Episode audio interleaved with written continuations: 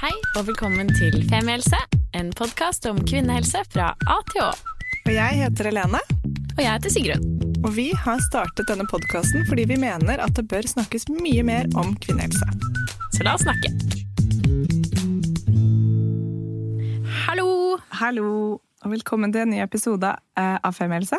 Og nå skal vi snakke om angst, faktisk.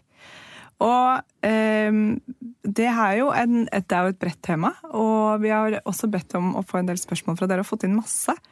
Så det blir eh, Vi har mye å snakke om i dag.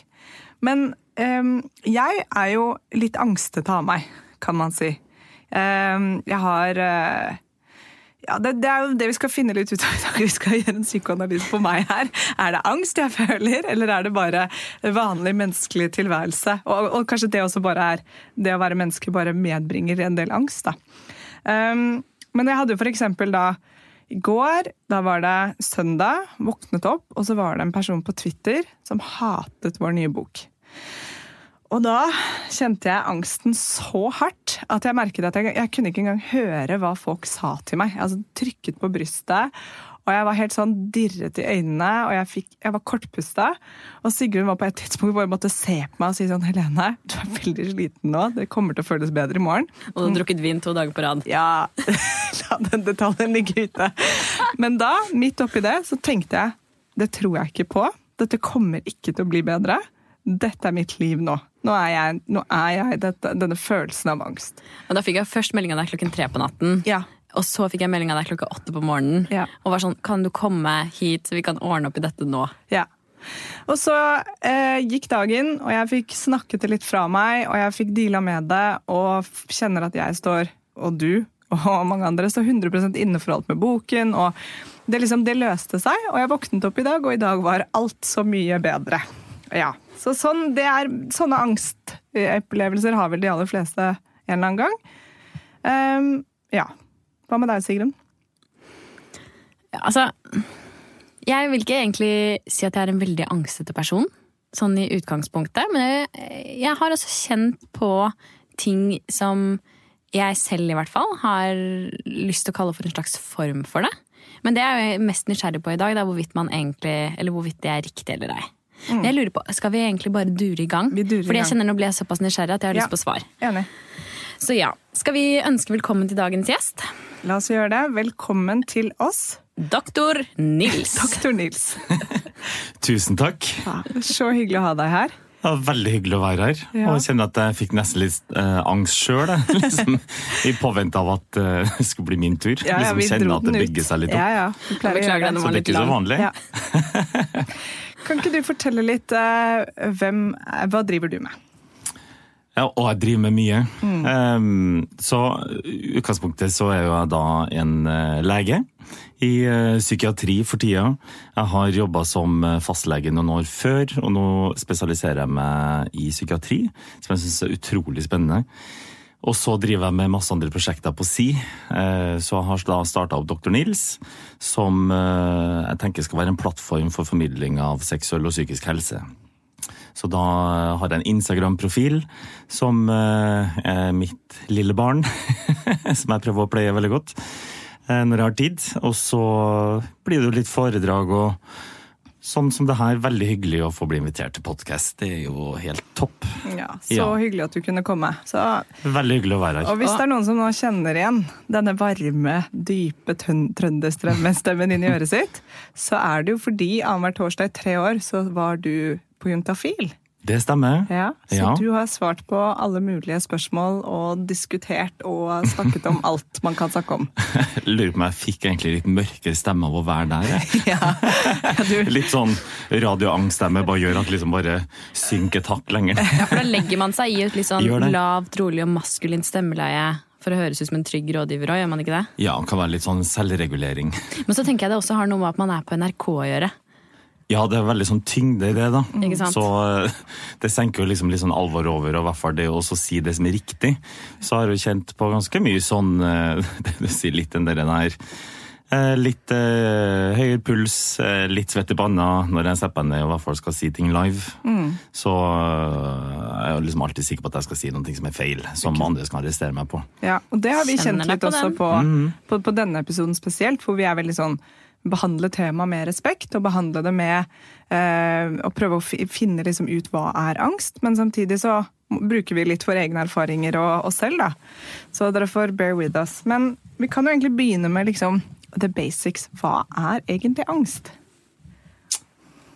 Skal prøve å oppsummere det kort, så vil jeg jo si at uh, din beskrivelse var veldig fin. Uh, og jeg tenker at angst er jo en samlebegrep egentlig for ganske mye. Eh, men de fleste vil nok ha et forhold til det selv. Alle kjenner jo i mer eller mindre grad på følelsen angst. eh, Som eh, i utgangspunktet er en slags sånn indre uro. Man føler seg litt sånn urolig, uvel, anspent. Og så vil det jo være en del sånne kroppslige symptomer som fører med. Og der vil det være litt variabelt, da, hvem som føler hva mest. Men det med høyere pustefrekvens, at man kjenner at man blir liksom litt mer sånn sliten i pusten, kjenner at hjertet hamrer litt hardere og litt fortere, eh, at man svetter litt, kanskje får litt sånn tunnelsyn, blir svimmel, blir klam og svett i hendene, kjenner at man dirrer litt. Eh, Noen kan bli kvalm, eh, noen kaster opp. Noen ramler nesten om, at man føler at man skal besvime. Og da begynner vi å nærme oss over i det som kan kalles et panikkangstanfall. Hvor det kan bli så ille at man føler og man er helt sikker på at man skal dø, fordi de kroppslige symptomene blir så voldsomme at man kjennes ut som at ok, nå, nå klikker det liksom hele kroppen. Eh, og det som er liksom morsomt, er jo at kroppen har jo aldri vært mer i live enn i et panikkangstanfall, så man er aldri lenger unna å dø enn i et panikkangstanfall, så det kan være sånn betryggende å vite, men uh, følelsen kan være ok, nå, nå, enten nå får jeg hjerteinfarkt, eller nå får jeg hjerneblødning, eller nå, nå klarer jeg ikke å puste lenger og jeg kveles, men, men det gjør man altså ikke. Men hvorfor gjør kroppen dette her? Ja, det skulle jeg gjerne likt å visst. Sånn Kroppen er veldig mye rart, som eh, for så vidt jeg er heller ikke helt enig i at den skal gjøre, men det, det har jo sannsynligvis en veldig sånn god funksjon. Da. Og det med angst kommer egentlig fra eh, en litt sånn basal følelse som frykt. Så egentlig så bygges jo angsten på frykt, litt sånn at vi blir vettskremt av en reell, da, farlig trussel. Sant? Så vi har med oss fra ikke sant, eh, hundretusener av år tilbake. Eh, I kampen om å overleve så, eh, så har den en genuin funksjon at da kan vi enten kjempe eller flykte. Så da blir kroppen satt i beredskap. Eh, Og så vil det jo være sånn at i dagens samfunn så er det veldig mye vi kan få angst for, som oppleves som en frykt, men som regel så finner ikke vi egentlig noen ting å plassere angsten på, fordi det bare oppstår.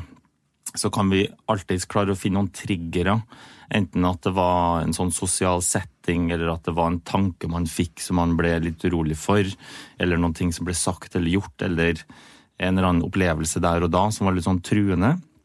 Men så klarer man kanskje ikke helt å plassere det helt, og det forsterker gjerne angstfølelsen. For man har du liksom en sånn Har du en person som holder en pistol foran deg, så har du noe veldig tydelig å plassere angsten din på.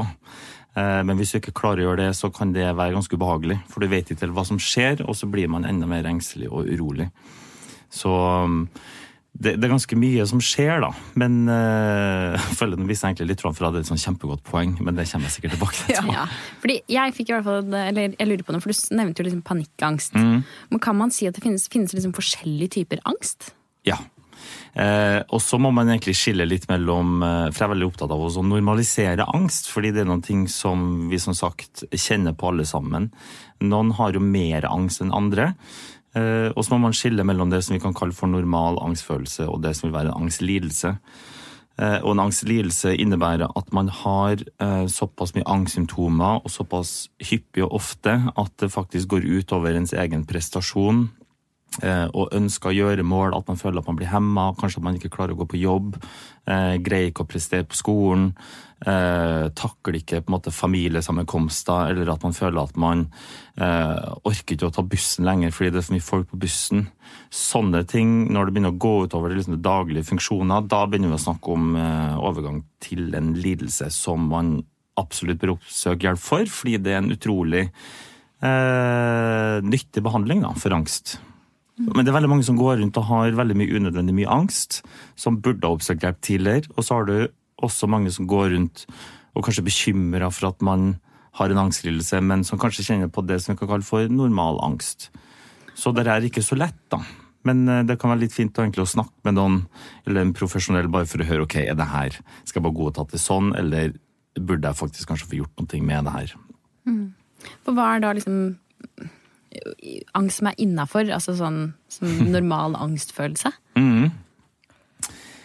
Um, ja, det vil jo egentlig være eh, den der angsten som dukker fra tid til annen, enten når vi liksom kjenner at eh, Å, dæven han, det der, der foredraget i morgen, eller den, det møtet på jobb, eller det der Jeg bare orker ikke, jeg vil ikke. Jeg tåler ikke å se sjefen en gang til, eller jeg orker ikke med familiemøter, og det er mye rart som skjer, sant? så kan det være noen ting med ok, greit, men er det liksom veldig mye stress og intenst rundt det, så vil det jo ofte være sånne naturlige forklaringer på hvorfor det skjer. Men eh, vi, vi, kan si egentlig litt sånn at det er en sammenheng da, mellom det, hvis noen har hørt om personlighetstrekket neurotisisme. Ja. Snakkes litt mye om sånn i, eh, i eh, en annen podkast, eh, og så er det Sånn er du, den er kjempefin. Ja, ikke sant? Den anbefaler jeg, i hvert fall. Mm. Ja. Jeg òg. Mm. Sånn er du med Harald Eia og Nils Brenna. Veldig morsom. Sant? Mm. Eh, og dem som har, og det er ganske medfødt, det å ha personlighetsrekke neurotisisme, og da er man mer disponert da, for å få angst eller depresjon. Og angst og depresjon henger veldig godt sammen. Så for eksempel føler man seg nedstemt, så er man også gjerne litt mer engstelig. Eh, og det skal man godt lytte til altså, før det liksom bikker litt over. da. Ja. Altså, jeg kan jo si Av egen erfaring så har jeg hatt noen Jeg tror jeg fortalte i en tidligere episode hvor jeg Ja, det har jeg fortalt. Men da var jeg i hvert fall, tok masteren min ut på Ås, og så var det, kom jeg til et punkt hvor jeg følte at jeg var så lyssky. Og jeg orket ikke å forholde meg til noen andre på skolen. Og jeg hadde gruet meg liksom mye til å gå ut av døra. Og da gikk jeg til fastlegen min og sa at vi må måle alle hormonene mine, for her er det noe alvorlig galt. Og så så han meg og sa det kan jeg gjerne gjøre, og jeg skal gjøre det for deg. Jeg skal måle alt her, men du må også gå og snakke med han som sitter på nabokontoret, som er en gestaltterapeut. Så sa jeg ok. Og så gjorde jeg det. Og da skjønte jeg at jeg hadde liksom en del ting å jobbe med, og som var utrolig digg å få snakket ut om. Og da, det hjalp veldig for meg da. Så um, for meg så handlet det veldig om at når det begynte å gå utover eh, hverdagen, og jeg ikke hadde den knaggen å henge det på. Mm. For jeg trodde jo at det da var noe vitaminer eller hormoner eller noe sånt noe som var Mm. ute av spill. Men når det da ikke var det, så tenkte jeg ok, da, da, da greier ikke jeg å finne ut av dette selv. Nei. Og da hører jeg på fastlegen min og går til han fyren på nabokontoret og får hjelp til å sortere tankene for å finne ut av hvor kommer dette fra. Jeg tenker liksom, å gud, for en eksemplarisk pasient. Tusen takk, jeg er veldig Som god. gjorde akkurat det som fastlegen sa. Jeg elsker å være pasient. Det er min favoritting. Derfor vi har PM-helse. Mer sånn, nei, men eh, Det er helt riktig det du sier, og det er eh, absolutt kjempeviktig å også undersøke, for det kan være veldig mange kroppslige, eh, eller det vi kaller for somatiske, da, som betyr kropp, kroppslige årsaker til angst, eh, som stoffskifteproblemer, det kan være eh, infeksjonstilstander, det kan være ufattelig mye. Så det er veldig viktig at man faktisk også får en sjekk. Men som du sier, det vil også være veldig fint å få kanskje litt sånn drahjelp av noen andre og få noen, en sparingspartner da, for å egentlig finne ut av hva er det egentlig som foregår nå. Og det vil vi jeg tenker at Hvis at vi liksom hadde bretta ut eh, på et ark, da, papiret alle sammen, hva er det som foregår i livet ditt nå? Hva har du med deg bagasjen din? Hva er det du tenker på framtida? Hva ser du for deg? Hvilke planer, drømmer, ønsker har du? Eh, hvor er det det krasjer? Sant? Hvilke verdier går du på tvers av? Eh, hvor mye forpliktelser legger du på deg selv? Hvilke forventninger har du? Hvilke forventninger har andre? Altså, det er veldig mye vi kan begynne å nøste i, og ganske fort finne at her er det her går det og skurrer litt ned på kanskje ett eller flere områder. Eh? Familierelasjoner, økonomi, eh, studiejobb. altså Det er så mye som kan ligge der egentlig og, og lage litt sånn eh, trøbbel da, i tankegangen. Fordi det går ofte veldig også på hvordan man tenker, og forholder seg til tankene sine, ikke minst. Mm, og det eh, min da terapeut sa, var at angst kommer ofte hvis man lever et liv man ikke helt vil. Altså at man går mye på, på tross av. Eh, og det, det var jo ikke som at det handler jo ikke om en sånn For meg det var det jo ikke en karriereretning eller studieretning. eller sånne ting. Det var veldig at Jeg tror det var en del ting som jeg hadde behov for å snakke om, og som jeg aldri hadde fått snakket ut om. Og derfor så levde jeg jo ikke helt liksom my best life, fordi det liksom lå litt der, da. Og, men så med en gang jeg fikk snakket ut om det, så hjalp det utrolig. Og da levde jeg jo også etter det mer det livet jeg ville, for jeg var liksom litt friere og hadde fått utløp for det. Mm. Um, Kjempeviktig poeng. Og det er jo veldig mange som eh, Jeg syns jeg møter på så mange folk som sier at de har så vanskelig for å si nei. Så, og bare en sånn ting, ikke sant, det med å kanskje kjenne at vet du, i dag har jeg egentlig behov for å liksom bare å hente meg litt inn igjen, og så kommer det en invitasjon. Og så kjenner man på dilemma. Ja, fordi jeg sa jo nei sist gang, så jeg burde virkelig liksom bare si ja igjen i dag. Hvis ikke så blir det så vanskelig å forholde seg til at jeg har sagt nei to ganger. Og så sier man kanskje ja, man strekker seg litt mer, og da går det jo Ikke at det er noe feil eller farlig, og det skal man også kanskje gjøre noen gang. At man gjør kanskje ting man ikke har helt lyst til, men hvis at det blir sånn gjentakende mønster, at man hele tida forsaker sine egne behov, så vil jo det bety at du egentlig går litt på sparebluss. Sant? Og du gjør egentlig noen ting som er helt stikk i strid med det du har behov for.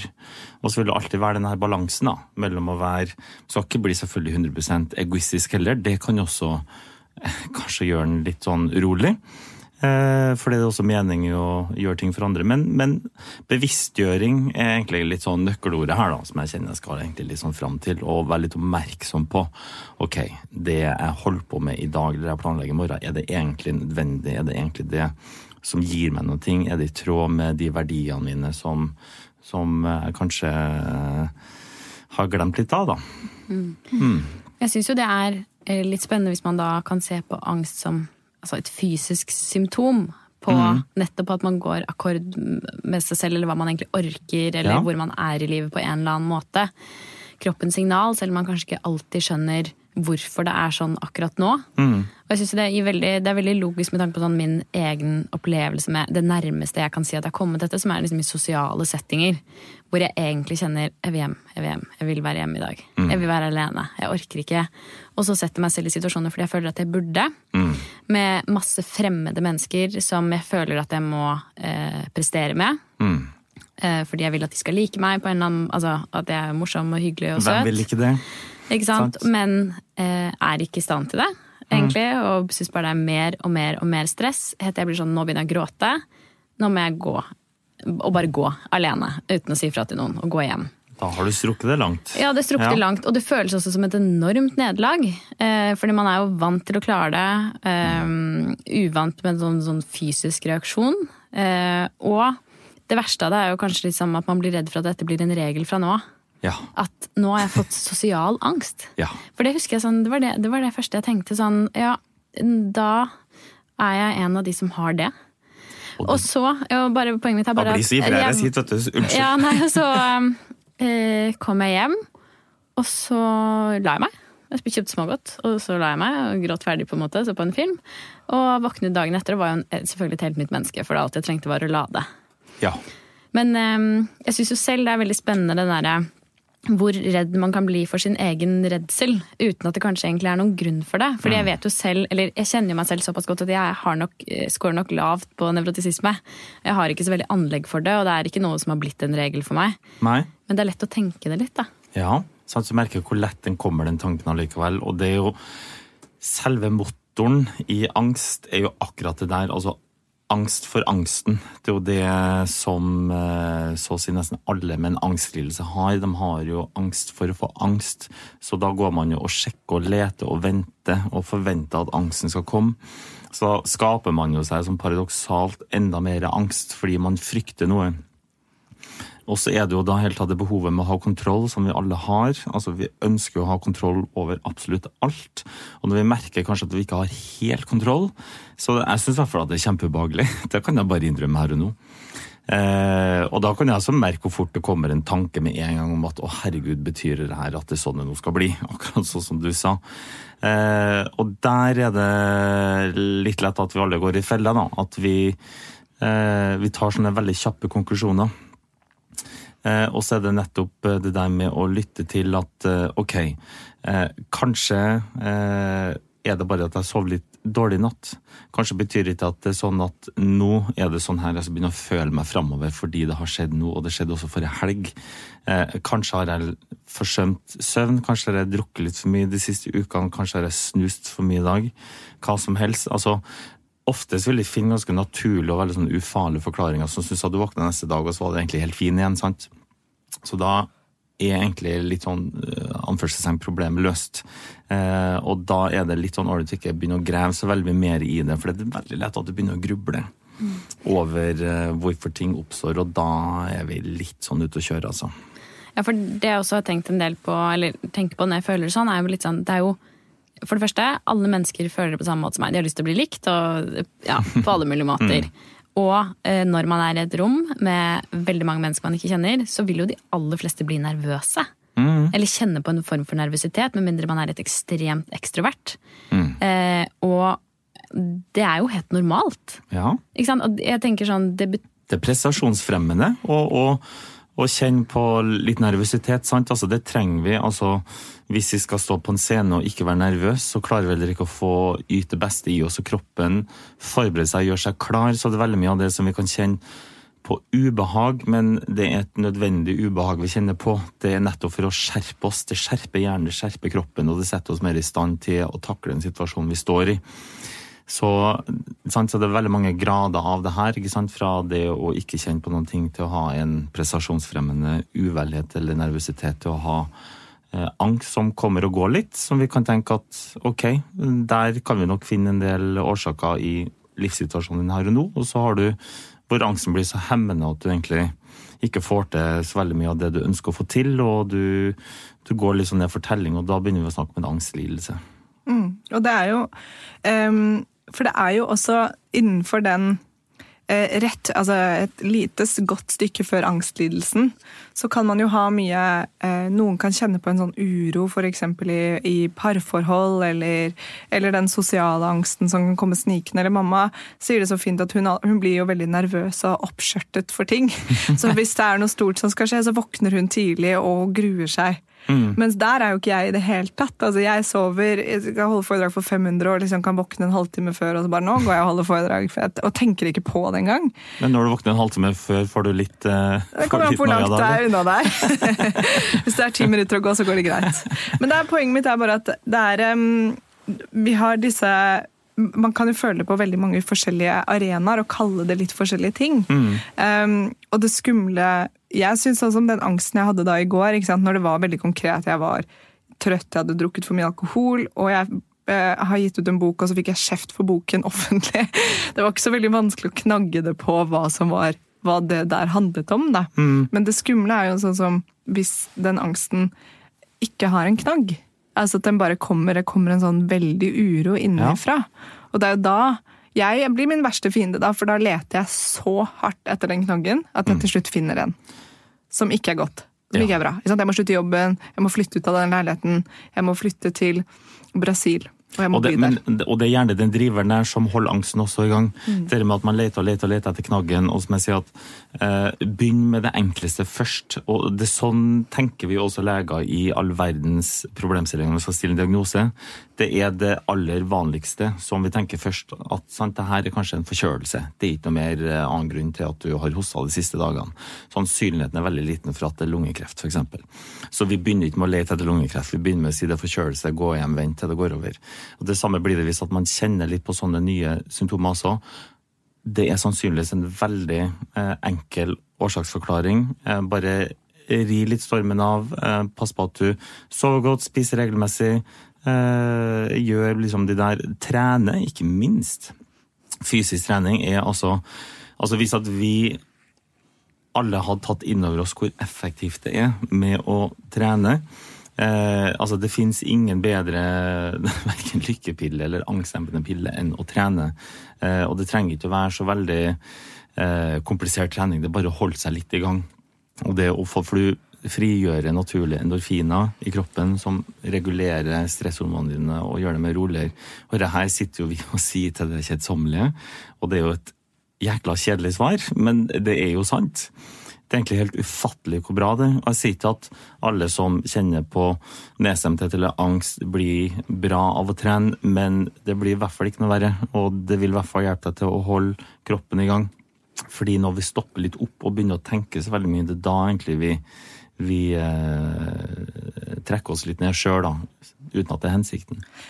Jeg kjenner hver gang jeg har trent, så tenker jeg fy faen, hvorfor gjør jeg ikke dette hver dag? Blir så lykkelig av det. Og så tenker jeg hvordan? Hvorfor kan ikke kroppen min bare huske hvor bra dette er? Ja, For det varer en time, sier ja, ja, følelsen så er jeg ferdig. Ja. Og så vil jeg ikke trene mer, for det var slitsomt og kjedelig å gå på sats.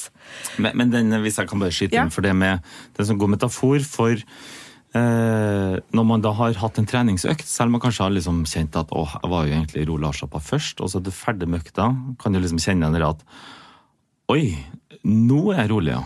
Jeg var kanskje ikke så rolig før jeg begynte å trene allikevel.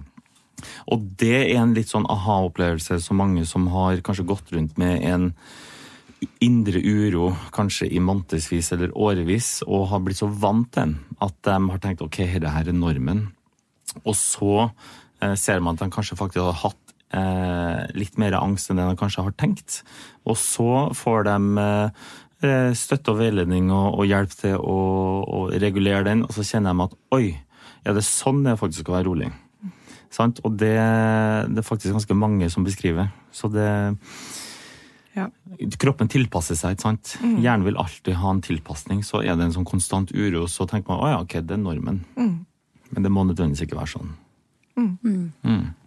Jeg lurer på, jeg har lyst til å stille et siste spørsmål før vi kanskje skal ta noen lytterspørsmål. Ja, Er det ja veldig gjerne. Um, ok, egentlig to.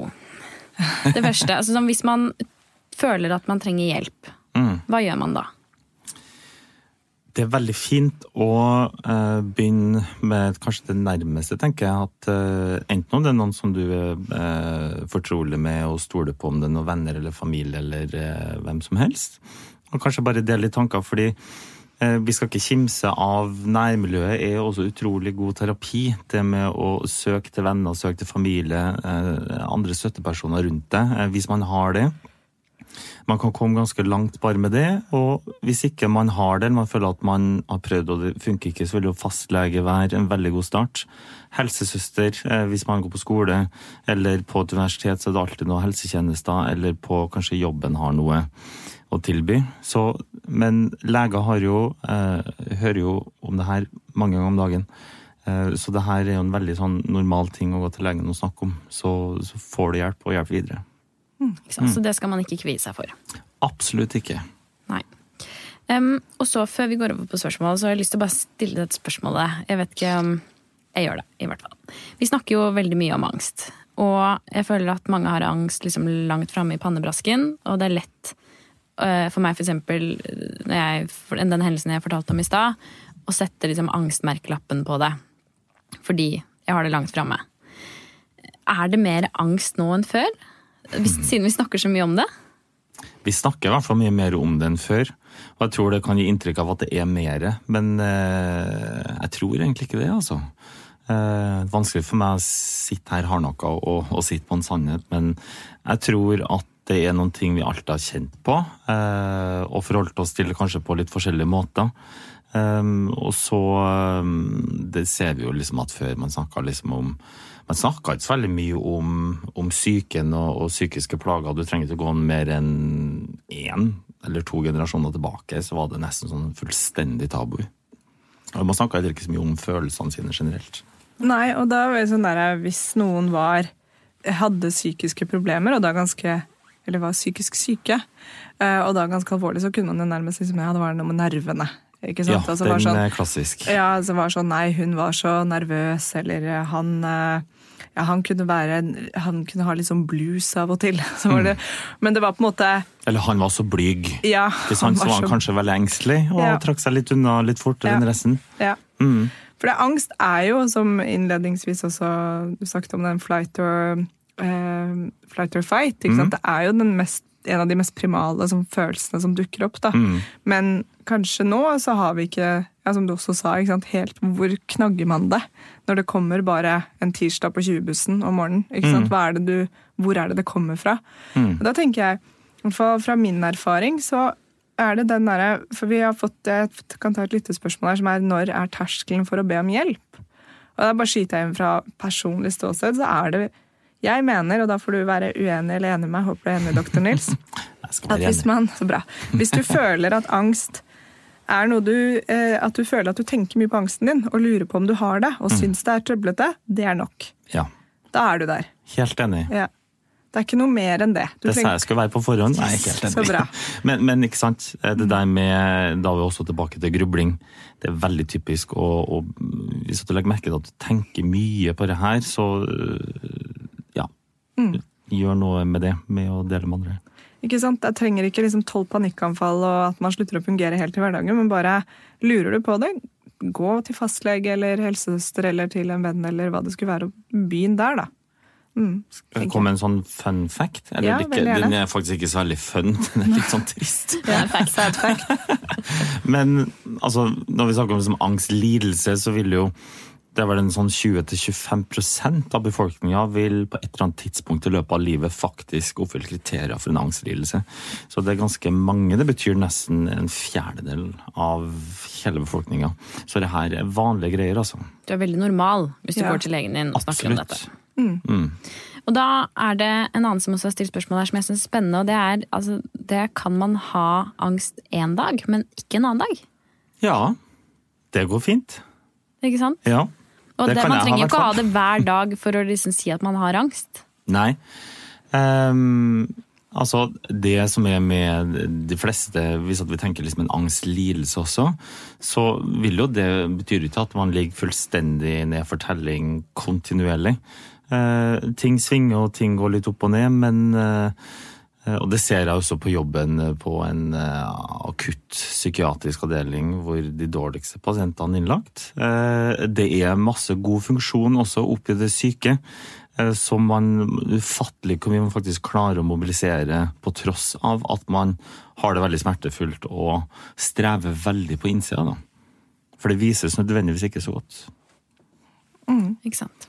Og jeg kan ta et uh, privatspørsmål som en lytter har stilt på vegne av meg, føler jeg. Uh, for jeg har ja, eh, begynt eh, å slite veldig med PMS.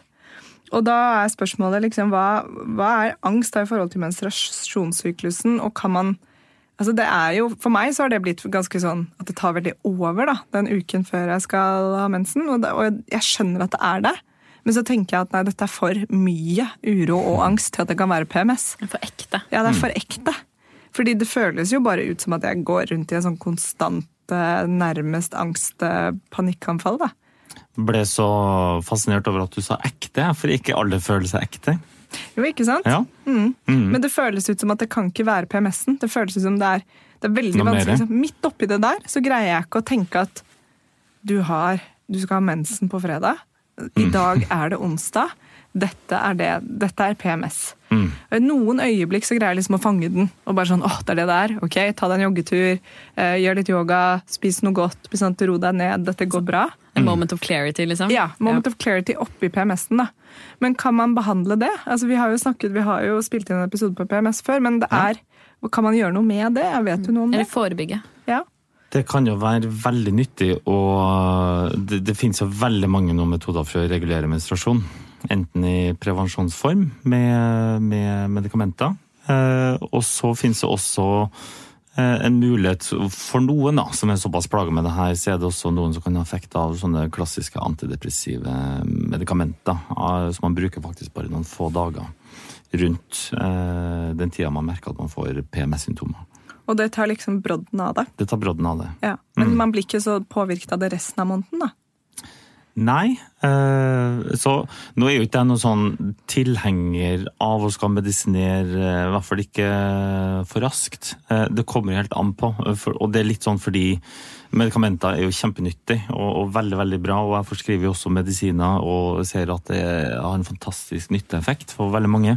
Men det er også veldig mange som har minst like god nytte av andre tilnærminger enn medikamenter også.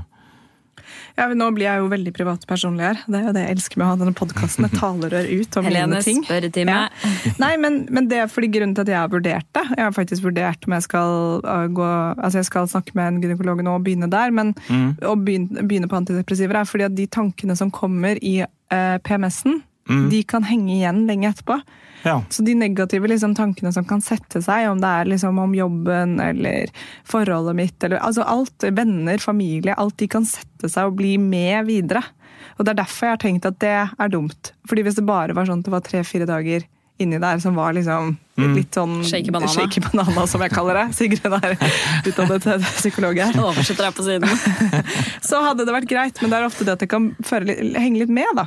Mm. Og da tenker jeg at, eh, Så jeg tar dette nå og sjekke hva jeg skal gjøre med det. Ja, Ja. det syns jeg er veldig fint. Og Ja. du tar jo veldig godt ansvar for det også. Og du drøfter det med en, en, eh, en lege, og det er helt supert. Ja. Ja. Men ok, så det er, eh, så jeg kan bare hilse fra meg og si at ja, eh, angst og mensen henger i hvert fall for meg veldig tett sammen. Ikke hver måned, men nesten hver eneste måned. Så da kan jeg svare på det spørsmålet, og da er det dessverre Eller man kan, det man kan gjøre, er hormonprevensjon, og også eventuelt flere andre tiltak. Mm. Ja. Det finnes iallfall mange muligheter. Mm. Mm. Skal vi ta et siste? Ja. Um, og det er da Hvorfor utvikler en helt normal i gåsetegn person ekstrem angst? Det er sikkert et stort spørsmål å svare på, men Ja. jeg kan, jeg kan bare, hvis jeg skal prøve å tenke hva en tenker, Ja. så er det kanskje det at man føler at man i utgangspunktet har et godt fundament. Da. At man er, liksom, har det bra, men så blir Så ting skikkelig vanskelig allikevel. Hvorfor kan det være sånn akutt? Vet du noe om det? Vet du, Det som kommer sånn veldig akutt, der er det litt mer sånn obs, eh, varseltegn for å faktisk gå tidligere til legen, fordi det kan være eh, et litt sånn flagg for at det er en underliggende annen tilstand i kroppen din. Eh, som jeg sa, det kan være veldig mange andre sånne fysiske ting som kan gi angstsymptomer. Og hvis det kommer såpass brått på, liksom litt sånn fra det ene dagen til den andre, så vil vi veldig gjerne klarere ut med noen andre undersøkelser først. Så det er egentlig litt sånn take home message fra meg, da. Mm. Fint å vite. Mm -hmm. Uh, Jeg har faktisk et siste spørsmål, selv om vi sa at vi skulle ha et siste spørsmål. Yes. vel. Eh, og det Jeg er da- veldig glad i spørsmål. Ja, og det er da, uh, for jeg syns det var så fint. Eh, Har vi, har vi, da sier vi, men egentlig deg, doktor Nils, tips til hvordan man kan være en god venn til en som har angst? I den, i den situasjonen hvor personen plutselig får sosial angst, eller eh, Eller har det langvarig. Ja, eller har det langvarig. En angstlidelse, eller er det angst her og nå? Veldig bra spørsmål. Jeg tror også veldig mange liksom ønsker å hjelpe oss, er vi så redd for at vi skal si eller gjøre feil. Eh, Og det er egentlig ikke så veldig sånn eh, kjempefasit. Det er vær deg selv. Eh, Våg å spørre. Eh, Jeg tenker Vi er altfor forsiktige på å spørre og egentlig å være direkte. og da går inn og spørre eh, altså, hvordan går det med deg? Eh, og så får man ta det svaret man får, og kanskje liksom tygge litt videre på det. Det er ikke alltid kanskje at man har lyst til å si så veldig mye, og da kan man bare respektere litt det. Eller eh, kanskje gå litt i de banene som vedkommende ønsker. da. Hvis du har en venn som du ser strever og har det vanskelig, eh, bare det å invitere, stille opp og ikke gi det, vil jeg si. Hvis at den vennen din da, ikke svarer på meldinger eller ikke svarer på telefonen eller avviser en invitasjon. For det absolutt alle sier, er at de verdsetter så mye å bli invitert. Eh, og de vet at de sier nei, og det er gjerne mange grunner til at de ikke klarer å si ja, men bare det å helt til å få invitasjonen og få tilbudet, det gjør enormt mye. Så eh, våg å invitere, våg å være direkte, eh, og ikke gi det.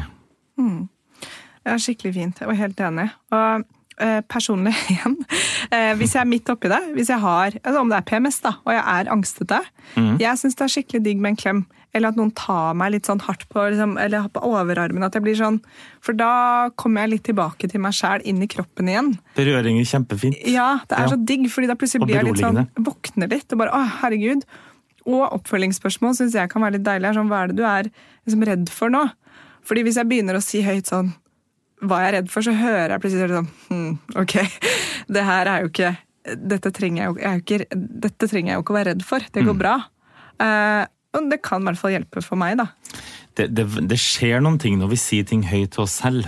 Eh, og nettopp det å da være eksempel en sånn eh, skravlepartner eller sparringspartner til en venn eller kompis, det er noe med å bare Ja, men Hva mener du nå? Hva, hva er det med det her som du kjenner på? Fortell meg, det her skjønner jeg ikke, liksom, men jeg har lyst til å vite. Forklar det til meg liksom nøye. Eh, og det vil stimulere nettopp til å på en måte eh, sette i litt sånn rasjonell tankegang, så du hører det som du sier litt selv. Ok, det her er jeg faktisk ikke Det føltes så, så logisk og så rett når jeg liksom tenkte i mitt hode. Og jeg anbefaler så mange pasienter i å for f.eks. skrive ting ned, også for deg selv hvis du ikke har noen å snakke med. Skriv det ned på papir. Det er noe magisk med å skrive ting ned, for du, du får et helt annet forhold til tankene dine. Du får dem plassert, og du kan se på dem, du kan la dem ligge litt, du kan ta dem opp siden, og så kan du eh, heller gjøre noe annet. Så slipper du å bekymre deg for at du skal glemme av det veldig viktige bekymringstankene dine. Ja, Skikkelig fint tips til også om å skrive ned, hvis man ikke har noen der og da. Bare, ja, Så fint. Veldig mange ting har liksom sånne litt sånne enkle, banale svar, men, men det er noe i det. Jeg tenker at det er litt deilig. At ikke Ja, alt er trenger å ha en veldig lang vei å gå. Men av og til så kan man prøve det. Skal jeg prøve å oppsummere litt? Er, Ja. vi, er det noe mer, doktor Nils, før jeg prøver meg på en oppsummering? Jeg kan snakke timevis, jeg, så kanskje du skal oppsummere. Jeg prøver. Ok, så Først av alt så er det, det er et skille mellom det å kjenne på angstfølelse og det å ha en angstlidelse. Og en angstfølelse er en vanlig del av vårt menneskelige følelsesregister. Og det kan også utarte seg fysisk, så man blir klam i hendene eller tørr i munnen og eller kanskje dårlig i magen eller svett og høy puls og det presser på brystet. Og det skjer mye tunnelsyn, svimmelhet, kaste opp kvalme. Um, og det, ja, takk. Ja. Og det kan skje den, den beste av oss og de verste av oss. Det- Og det skjer med alle en eller annen gang. Og så er det når det blir en angstlidelse, hvor det går over til å være noe som skjer kanskje med høyere frekvens eller ved gitte situasjoner, og det begynner å gå litt utover, eller veldig mye utover, eh, dagliglivet og jobb og forhold og eh, det du har lyst til å gjøre. Det får du kanskje ikke helt til. Og eh, uansett om du tenker at nå er det gått til en angstlidelse, eller jeg har i gåstegn bare angst, men kanskje litt for ofte, så er det lurt å gå og snakke med noen. For hvis du har kommet dit at du tenker mye på at du har angst, så er det veldig fint å få det lufta ut. Om du gjør det med gode venner eller familie, eller går til helsepersonell, det får man jo bare kjenne til selv. Men det er aldri for tidlig, i hvert fall. Og jeg bare, hvis du syns at det er vanskelig å snakke med noen du kjenner, eller at det er et stort sted å gå til legen, så går det jo også an å ta kontakt med f.eks. Mental Helse. Og De har jo også chattetjenester og ting som kanskje føles litt mindre skummelt. For det jeg skal si at uh, også mine følgere på Instagram som sender meg uh, direktemeldinger, uh, får jo også en del spørsmål om det her, og da kommer jeg også gjerne ofte med noen sånne tips til hvor man kan på en måte søke opp på nett. Eh, det finnes jo masse selvhjelpsvideoer og nettsider, og, og også noen andre tips eh, som jeg også kan komme med hvor man befinner seg for å, for å oppsøke hjelp. For det er ikke alltid kanskje like lett å vite. Mm, og det skal vi dele når vi deler denne episoden. Eh, og for å oppsummere litt til, det er eh, Angst kan også kanskje komme lettere i de periodene hvor man er litt utladet. Så det med god søvn og spise godt og ikke minst trening er kjempeviktig. Eh, og kan forebygge og kanskje hjelpe umiddelbart. Absolutt. Og eh, ja, eh, har man en venn med angst, så, så så fortsett å være venn, og fortsett å spørre om man skal finne på noe å være sammen. Og har du, har du meg som din venn med angst, gi meg en klem og spør hva jeg er redd for. ja. Mm, var, vi, var jeg oppsummerte jeg gjennom da? Jeg føler at eh, jeg har lyst til å ta deg med og oppsummere hver dag på jobb. Helt supert. Hun er ganske dyr, men hun er veldig Ja, ledig for tiden siden hun ikke jobber. Kan være med deg en måned på jobb sånn som praktikant. Her er ingenting å tilføye. Var- Så fint. Ja, Så bra. Så bra. Vi håper det var fint for deg som hørte på, enten du føler deg angstete eller, eller ikke. At eh, ja, du følte at du lærte litt mer. Håper det. Håper det. Mm. Eh, ja, takk for at du hørte på. Takk som vanlig, og tusen, tusen takk, doktor Nils. Tusen, tusen takk for Ja, meg. veldig fint å ha deg på besøk i studio. Superstas å være her. Skikkelig Det må jeg bare si. Så koselig. Og sjekk ut Dr. Nils på Instagram. Vi kommer til å dele profilen hans, og alt sånn, så dere finner den. Men det ligger jo bare der litt. Masse gode tips og Ja, tips. Veldig fint. Så takk for at dere hørte på. Vi snakkes! Ha det. Tusen takk for at du hørte på podkasten vår. Selv om det forhåpentligvis kommer tydelig frem, så vil vi understreke at vi ikke er helsepersonell. Ja, så som vanlig, kontakt legen din om du har noen spørsmål, eller om du skal begynne på noen form for behandling. Og har du et tema som du har lyst til at vi skal snakke om, eller noe ris eller ros, så send oss gjerne en melding på Facebook eller på Instagram. Der finner du oss under Femihelse. Mm. Og du kan gjerne rate oss på iTunes, det er skikkelig hyggelig for oss. Ha en fin dag! Ha en kjempefin dag!